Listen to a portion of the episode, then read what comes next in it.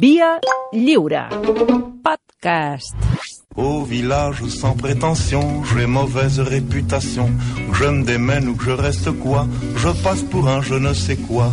Je ne fais pourtant de tort. Hola, Xacrables.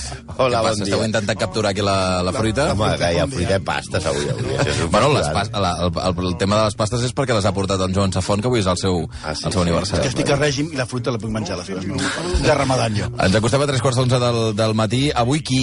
Avui, uh, avui, avui hi ha Pep. Ja t'ho dic ara. Avui ens corren, i ens correran sí. companys, ja direct. Bueno, companys, per dir alguna cosa a aquesta gent.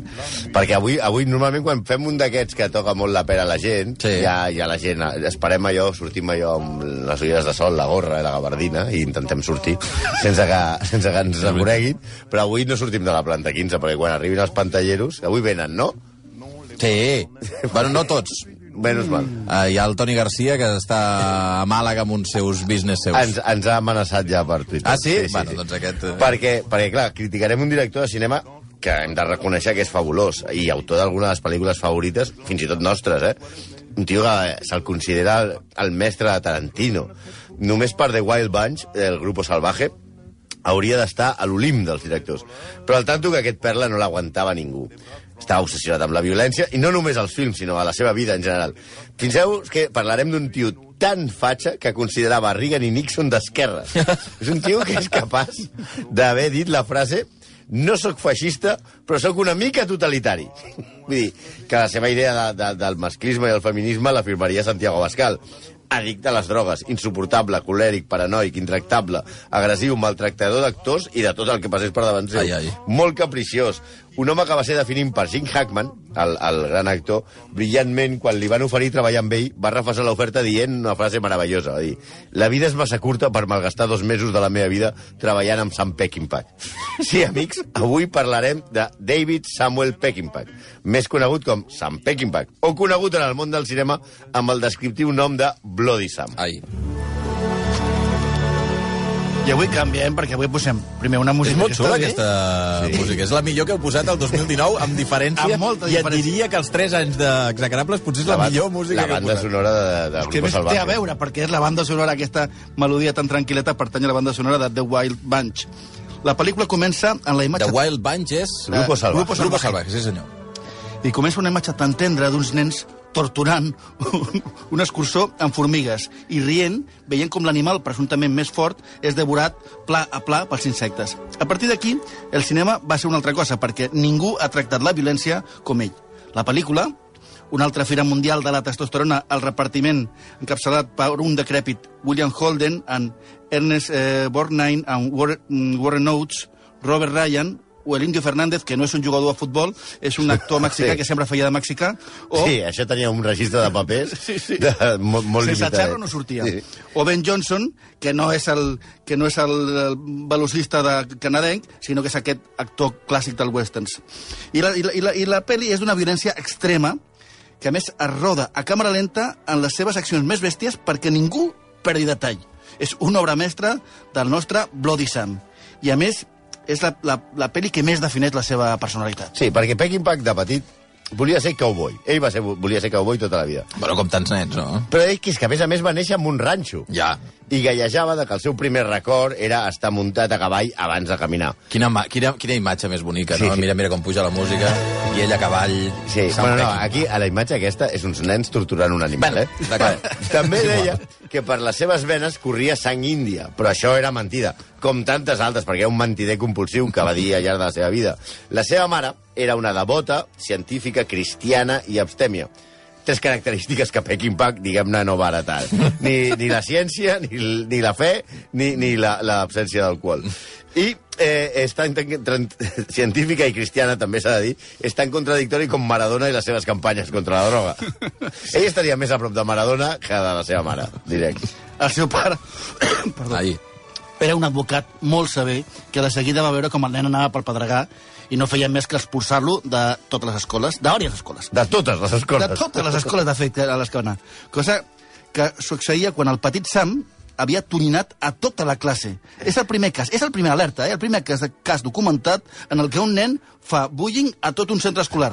Professors inclosos, eh? Sí, no és allò de, de, de, de, de, de tots els nens contra mi, no. Ell contra tots Anava els... per tots. Ell va per tots. Per aquest motiu el van canviar d'escola moltes vegades, fins que a farts de la seva indisciplina el van internar en una acadèmia militar on els altres companys de classe estaven tan tarats com ell. Quan va acabar el col·le, el col·le militar, suposem que amb assignatures tan entretingudes com... No sé, jo sempre m'he preguntat.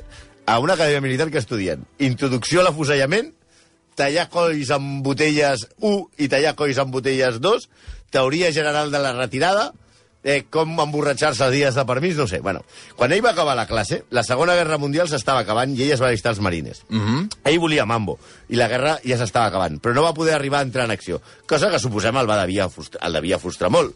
Va ser destinat a Xina per vigilar un camp de concentració de soldats japonesos i, per tant, no va poder entrar en guerra. Ell,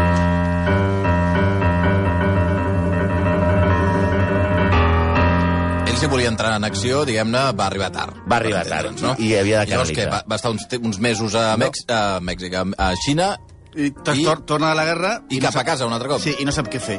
Però, eh, aquí, al lloro, com deia, com deia la Aquesta Porta- música és, de, efectivament, de prendre un, un còctel. Exacte, ja veurem què té sentit aquesta De guerra juvenil. Eh, I sorprèn a tothom, especialment els seus pares, que esperaven que s'allistés a la màfia o muntés, muntés una banda per atracar bancs, però els va dir que volia estudiar teatre i poesia. Tu imagina't, el nen que atonyinava a l'escola diu, no, papa, què tal teatre i poesia? La raó no era una altra que s'havia enamorat d'una noia que cursava aquests estudis i, com Ah. ja veurem més endavant, li agradaven les dones d'una manera tan entusiasta com cruel i irracional. Però, de fet, el que, va, el que va passar és que, efectivament, va cursar aquests estudis de teatre. Ell es fa teatre i les seves primeres feines són d'elèctric, tramollista, a teatres, muntant escenaris i una mica fent de tot. Entra a treballar a uns estudis de televisió on Liberage, eh, que és un pianista i showman, que és el que està tocant ara, mm. eh, eh, i que si no sabeu qui és, aquest tio ha passat molt de moda, però era famosíssim als anys 50-60 als Estats Units, i era un pianista que sortia a tocar amb, amb un vestit que, diguem el pianista de parada, tu saps? Sí. El periodista de parada al costat de Liberas és Lee Marvin, ¿vale? I és un home d'aquests antics. Pues, imagineu com era Liberas i com era Sam Peckinpah, no? Liberas va despedir a Sam Peckinpah de, de, dels estudis perquè no anava a treballar amb traje i corbata. I això que era el que es comprava a l'escenari. Sí, imagina't també aquest com era. El cas és que es va movent pels estudis de tele i va fent feines a diverses sèries de l'Oest que s'emetien i acaba treballant amb un, amb un mini paper amb Don Siegel a la invasió dels lladres de cossos. Ell, Peckinpah, va defensar després, durant molts anys, que el guió era seu Oh. i que l'èxit de la pel·lícula, un clàssic de la ciència-ficció terrorífica, com ho Sabeu sabeu, aquella pel·li de que... home, sí. Les vaines. Les vaines. Les vaines, vale. es devia a la seva participació. Ho va dir tantes vegades que el guionista de la pel·lícula, ja molt cansat, va haver de sortir a dir que en realitat Peckinpah havia escrit només una línia de guió. Avergonyit, Peckinpah ja no va dir mai. Ja vam dir que era bastant mentider. El cas és que va anar progressant i va començar a, pel·lícules, a, fer, a començar a fer pel·lícules bones i a convertir-se en un director famós. Famós per la seva obra, indubtable, per la seva addicció a les drogues i per les bronques que muntava als platós. Cada rodatge era un camp de batalla. Sí, la, la fama li va permetre complir el seu somni de viure plenament. Obro cita, visc plenament. M'agrada la bona beguda, el bon menjar, la ropa còmoda i les dones boniques. Posar les dones a la categoria de la roba o el menjar és indignant per tothom, però m'imagino ja la nostra Aurorita fonent la ràdio en la mirada en pla Superman. Bé, beguda, roba, menjar i dones. Es va deixar dir les pastilles i la cocaïna, que consumia en quantitats otoe industrials. Era una aspiradora humana cosa que li va fer perdre la xaveta. Quan anava absolutament col·locat, era famós per trucar als seus coneguts, amics, en tenia molts pocs, a qualsevol hora per explicar les coses més inverosímils. Allò que el tio truca, són les 4 del matí, i tu Sí. ja dius... Sam. Sam, què vols? Ai, va passar una cosa! Es va tornar absolutament paranoic i estava convençut que Steve McQueen el volia assassinar. Cosa que no deu ser certa, perquè com ja vam parlar a la, fa tres temporades o quatre de Steve McQueen com Sí. execrable, ja vam deixar clar que si el Steve volia carregar-se algú, se'l carregava. Sí, no preguntava. No preguntava, o sigui... Sí, més. Ell estava convençut que el govern mexicà i l'agència tributària nord-americana tramaven una conspiració en contra seva. Per aconseguir encara més droga, el que feia, això, alerta, eh? acostumava a portar els rodatges a Colòmbia i a Mèxic, on va ser detingut en els dos jocs més d'una ocasió. És a dir, si el rodatge passava a Califòrnia, no, fem aquest rodatge a Colòmbia. és més barat és anar millor a Colòmbia. O millor a Mèxic. Eh, però si aquí hi ha deserts, hòstia, si tenim el desert de Utah, Només de, per de Texas i tal, no. Colòmbia, Colòmbia, millor, que jo ja sé por qué me lo digo. No, és, és la versió de Mahoma i la Feu-me muntanya, cas. només que la muntanya en aquest cas era blanca, blanca. Clar, com el tio treballava amb més ratlles que una zebra, el seu comportament al set de rodatge era imprevisible. I la millor anècdota, aquesta és molt bona al respecte, és quan al rodatge de Convoy, que és una pel·lícula de camioners, el van anar a buscar a la seva rulot. És allò, on està Sam? No, està va, que comencem, no sé què, tal. Se'l van trobar despullat dintre del, de la rulot amb una cabra viva i fotent-se al cul una injecció de vitamina B12. Es veu que això de baixar els pantalons per tal de fotre's la injecció, que li permetés alleujar els efectes del subidon de la droga, era de les coses més habituals. Es veu que el tio anava caminant per Los Angeles i el tio, quan venia, que li venia el blancazo, es baixava els pantalons i es, Nyac. fot- i es fotia la Però- injecció de B12. però i la cabra? En plena llum de... La cabra... No entenc, o sigui, a la cabra, què feia crec, la cabra allà? A la cabra crec que la va salvar la campana, perquè... Va. També Ah. era, era molt habitual que anés armat amb un revòlver del calibre 38. Especialment a l'època... tot bé, eh? Tot bé, és que és un tio collonut. Especialment a l'època que estava convençut que el vigilaven els alienígenes, Ah. que se'l volien endur al seu planeta. No sabien el que feien els extraterrestres. O potser era per ajudar, no sé. Dormia amb la seva pistola, això és molt important, carregada, apuntant-li al cap per suïcidar-se abans de que Al seu cap? Al seu Sí, cap. De que dormia amb ET i la pistola cap al crani. Sí, sí. No, Sí, bueno, no sé, és que el, el, el segrestés ET, i ell, però és que si arriba ET, ell se l'esnifa, ET. Ja. Aquest home, amb aquest comportament, òbviament, era el terror dels productors que no el podien suportar. Però l'odi era mutu. No només era un drogadicte, hem quedat drogadicte i un borratxo, sinó que, a més a més, clar, amb, amb aquestes addiccions, els pressupostos de les seves pel·lícules es triplicaven o es quadriplicaven per art de màgia i els rodatges s'endarrerien per les seves anades d'olla, que no apareixia el rodatge, tornava, no se n'anava... De fet, Charlton Heston va haver de renunciar a part del seu sou a la pel·lícula Major Dandy per poder acabar la pel·lícula. La relació entre el tarat de Peckinpah i el futur president, i també execrable, de l'Associació Nacional del Rifle, era d'amor i odi. O sigui, eren dues persones que es podien trobar i, i estimar-se molt. Van començar estimant-se, però gairebé acaben matant-se. Sí, a Duelo de- a l'Alta Sierra, els productors es van quedar adormits a la sala Ai, en, la primera, en el primer passi i van exigir que canviés, el, que canviés el muntatge. La bronca va ser tremenda, però el fet que va convertir el director en el més odiat pels executius de la indústria del cinema va ser quan el van acomiadar a meitat del rodatge del Rei del Juego perquè es va entestar en que havia de sortir una dona nua. El productor li va prohibir i ell li va fotre una pallissa. No, No, normal. És allò, quan tu et diuen, escolta, que, Que no, no, que en el doncs, programa no? no? No, no sortirà això, que, no, No? que vingui el Toni García Ramon, no. I vas i corres aquí al Rovira, no, no pot ser. No només tenia problemes amb els productors, amb els actors també, amb els guionistes, amb els tècnics i fins i tot amb tota la família directa. Mireu, li van proposar dirigir Sérpico. Sérpico és aquella pel·lícula de que acaba fent el Pacino, en què, que és la que li dona la gran fama, Sí, que és, un, sí. és un policia que s'infiltra en, un, en el seu propi cos de policia per fer... que és com un xivato a la policia, no? I a ell li proposen dirigir aquesta pel·lícula. Al final la va fer Sidney Lumet. A un principi, eh, els actors protagonistes havien de ser Robert Redford i Paul Newman, Sí. que venien de l'èxit de Dos hombres i un destino. Ell es va posar super torracollons, més que mai, perquè no suportava a Robert Redford. Senyor que acaba d'estrenar ara una pel·lícula quan ell va fa Sí, temps senyor. que cria Sí, malves. 14 anys. Sí, senyor. Sí, exacte.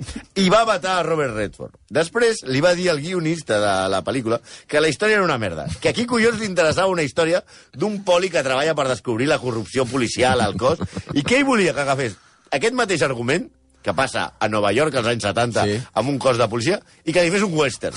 I l'altre li va dir, home, una pel·lícula de l'oeste amb això no sé si dona. I ell li va dir, tota la vida és un western, perquè era la seva filosofia. Tot es pot explicar amb una pel·lícula de l'oest. Com el de el, el, van, el van fotre fora de la pel·lícula i van contractar Sidney Lumet. Sí, però tenia amics, eh? Un dels pocs amics que el defensava era el seu col·laborador i mà dreta, Frankel Kowalski, que quan li preguntaven com era treballar en Peking Pack, deia que Sam sempre afirmava que si ens prenem la farra seriosament, també ens prenem la feina seriosament. Allò que té la teva mà. Si ets, si ets prou home per sortir, ara ets prou home per llevar-te. Ara. I que, i que no hi, el que deia el Kowalski és que no hi havia per tant. Però, ai, un dia Pekinbach el va acomiadar davant de tothom a mig en rodatge. A Kowalski? Sí, sí.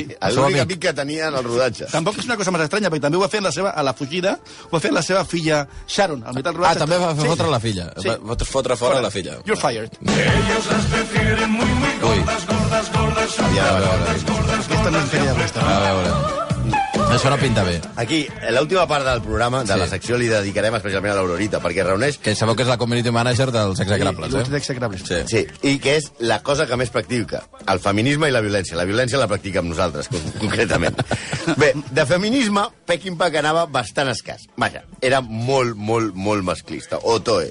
A les seves pel·lícules, les dones són simples complements i objectes sexuals. Seva és la frase «M'importa una merda la libido de les dones». La seva afició a les prostitutes, que pels de l'ESO vol dir que eren putes, Putes. Sí, sí. es veu reflexada a la Ja majoria... saben què són les prostitutes. Bé, és igual. Jo a la no sé majoria de la seva obra això. es veu clarament la seva carència per les prostitutes. Ja. La seva idea... La seva carència vols dir la, la, Què? la seva estima. Eh, sí, La sí, seva- sí, va, va, va, va dilapidar gran part del seu capital amb aquest, amb aquest sector. Ell tenia la seva idea, la idea següent sobre el sexe femení, que l'expressa amb aquestes boniques paraules. Obro cita. Un cunyet intel·ligent, sense escrúpols, Noi. sempre és capaç d'utilitzar el seu aspecte que, perquè un babós es casi amb ell. Noi, eh... uf, Home, això va dir Sant Peckinpah. Ja, ja. S'ha de dir que, com deia la meva àvia, consejos vendo que pa mi no tengo. Això sí. Es va casar i divorciar, òbviament, tres cops. Sí, que no és tant comparat amb altres execrables, eh? Això sí. Una altra de les seves frases era un dels avantatges de ser famós és que tens a l'abast una pila de gatetes que abans no estaven a la teva disposició. Hi ha dues menes de dona. Hi ha les dones i després les gatetes. La majoria de nosaltres ens casem amb gatetes en alguna ocasió. Aquesta frase eh, és literal, eh, pràcticament de Donald Trump, recordeu Sí, quan eh, l'enganxen amb el... sí, sí, sí. Pràcticament és la mateixa frase. Jo crec que després de- jo crec de que- Peckinpah a Trump, eh, res. Igual no li hi ha- sembla molt d'esquerres, Trump, també t'ho dic, eh? Però és que en realitat el que la veritat li posava, per molt que parlés de gatetes i de senyores molt atractives, el que li agradaven les senyores molt gordes. Podia tenir sexe amb les gatetes, que deia ell, però dintre dels seus complexes, o vés a saber què passava en aquell cap, que era una sopa de whisky, marihuana, cocaïna, reconeixia que se sentia molt més segur i realitzat practicant el sexe amb algú suposadament poc atractiu. D'aquí les seves regulars excursions a Tijuana per tancar prostíbuls amb prostitutes de més de 100 quilos i passar-hi hores. O, o, he de dir una cosa, que lo de, hem dit gatetes, però que en anglès és pussy, que té com el... Sí. Sí, no, que té el doble sentit, sí. Sí, és que no vull dir cunyet una Va! Ostres, noi, ja ho havíem superat, això, tu. Però, oh, sorpresa, Sí. sí. la seva opinió respecte a les lesbianes també el retrata. El, el puc intuir. Sí, no? No, Diu, sí, sí, té- té obro, pinta. obro cita, lamento l'existència d'aquest d'aquests marimachos, tortilleres i boges en sabatilles de fer esport i bosses d'arpillera. No tinc res en contra de les lesbianes, que consti. No, em considero un dels destacats, un dels més destacats lesbians masculins del món. Les villans masculins. Sí, sí. Si, jo si l'hagués co- con- conegut, m'hagués entrat ganes de, de fotre-li un catallot, però segurament m'hagués acollonit, m'hagués cagat de bocle. O sigui, la seva visió de les dones, la violència i el sexe va quedar palesa a la polèmica que va envoltar una altra pel·lícula que va dirigir ell, una pel·lícula excel·lent, però que té un petit problema. La pel·lícula es diu Perros de paja, no sé si us sona, surt Dustin Hoffman, en la qual hi ha una escena d'una violació que és filmada, filmada de manera en què es dona a entendre que la violada disfruta de l'agressió. Mm. Evidentment, els moviments feministes ja en aquella època dels anys 70 van cruixir a, a Peckinpah per aquesta escena en la que es pot entendre que es, es fa una defensa de, de les violacions. Fins i tot, una de les seves poques amigues, la crítica de cinema Pauline Clay, va criticar-lo en públic. Ell, molt elegantment, li va respondre amb una altra entrevista. Cometes. M'agrada Cale. M'encanta veure amb ella, cosa que faig de tant en quant, però pixa fora de test. Crec que ella i les seves amigues tenen complexes anals. Tot bé. Mira, s'havia posat Freud, ja. El seu amor Peckinpah, eh? per... Peckinpah. Bueno. El seu amor per la violència es basava en les lectures del seu llibre de capçalera, que és, es diu L'imperatiu territorial, de Robert Ardrey, que defensa el poder catàrquic de la violència i, clarament, la dominació masculina en tots els àmbits, i així ho ha expressat clarament a les seves pel·lícules. Una de les pel·lícules boníssimes, fetes per un ésser absolutament execrable, que era capaç d'escriure una de les millors escenes fúnebres de la història i que ha, ha resultat molt, inspiradora per nosaltres. Escolteu, és de la gran pel·lícula La balada de Cable Hawk. Casi todos los sermones fúnebres, señor, mienten sobre el difunto. Lo comparan con los ángeles y le pasan un buen brochazo de cal por encima. Pero tú sabes, señor, y yo sé que todo eso no es cierto. Village amb aquestes paraules no podem fer res més que despedir el nostre execrable d'avui, que després de ser una persona detestable, arruïnar-se la vida amb les drogues i ser un mal parit de primera divisió, va acabar els seus dies havent d'acceptar feines insospitades per poder pagar les factures. Ja, ell estava en una situació econòmica molt delicada i la qualitat de les seves últimes pel·lícules era molt, molt, molt qüestionable. I qui li anava a dir? No sabeu què va acabar fent Sam Peckinpah? El tio que va dirigir Grupo Salvaje, què va acabar fent a la seva vida? Videoclips! Ah, sí? Sí, eh, va dir les seves dues últimes... Dirigint. ob- dirigint dos videoclips. Els de l'EGB saben molt bé qui és. Els de no l'ESO sé. igual els sona. La seva Sí, home, última si ara per YouTube. fa obra igual. van ser els Sí. videoclips. I sabeu de qui va filmar els videoclips? No. De Julian Lennon, el fill Oh. de John Lennon. També, eh, que també és execrable. Avui ha sortit Steve McQueen, a part de Peckinpah, Lennon, eh, Charlton Heston. Sí, sí, sí. Facturarem només un execrable, però t'hem fotut quatre, eh? Les 11 i dos minuts, avui Sant Peckinpah, que passa a, a l'actor que passa a formar part d'aquest club eh, il·lustres execrables de, del Via Lliure. Eh, gràcies, Santi, gràcies, Malcolm. A vosaltres. 11 i dos minuts. On viendra me voir pendu, sauf les aveugles, bien entendu.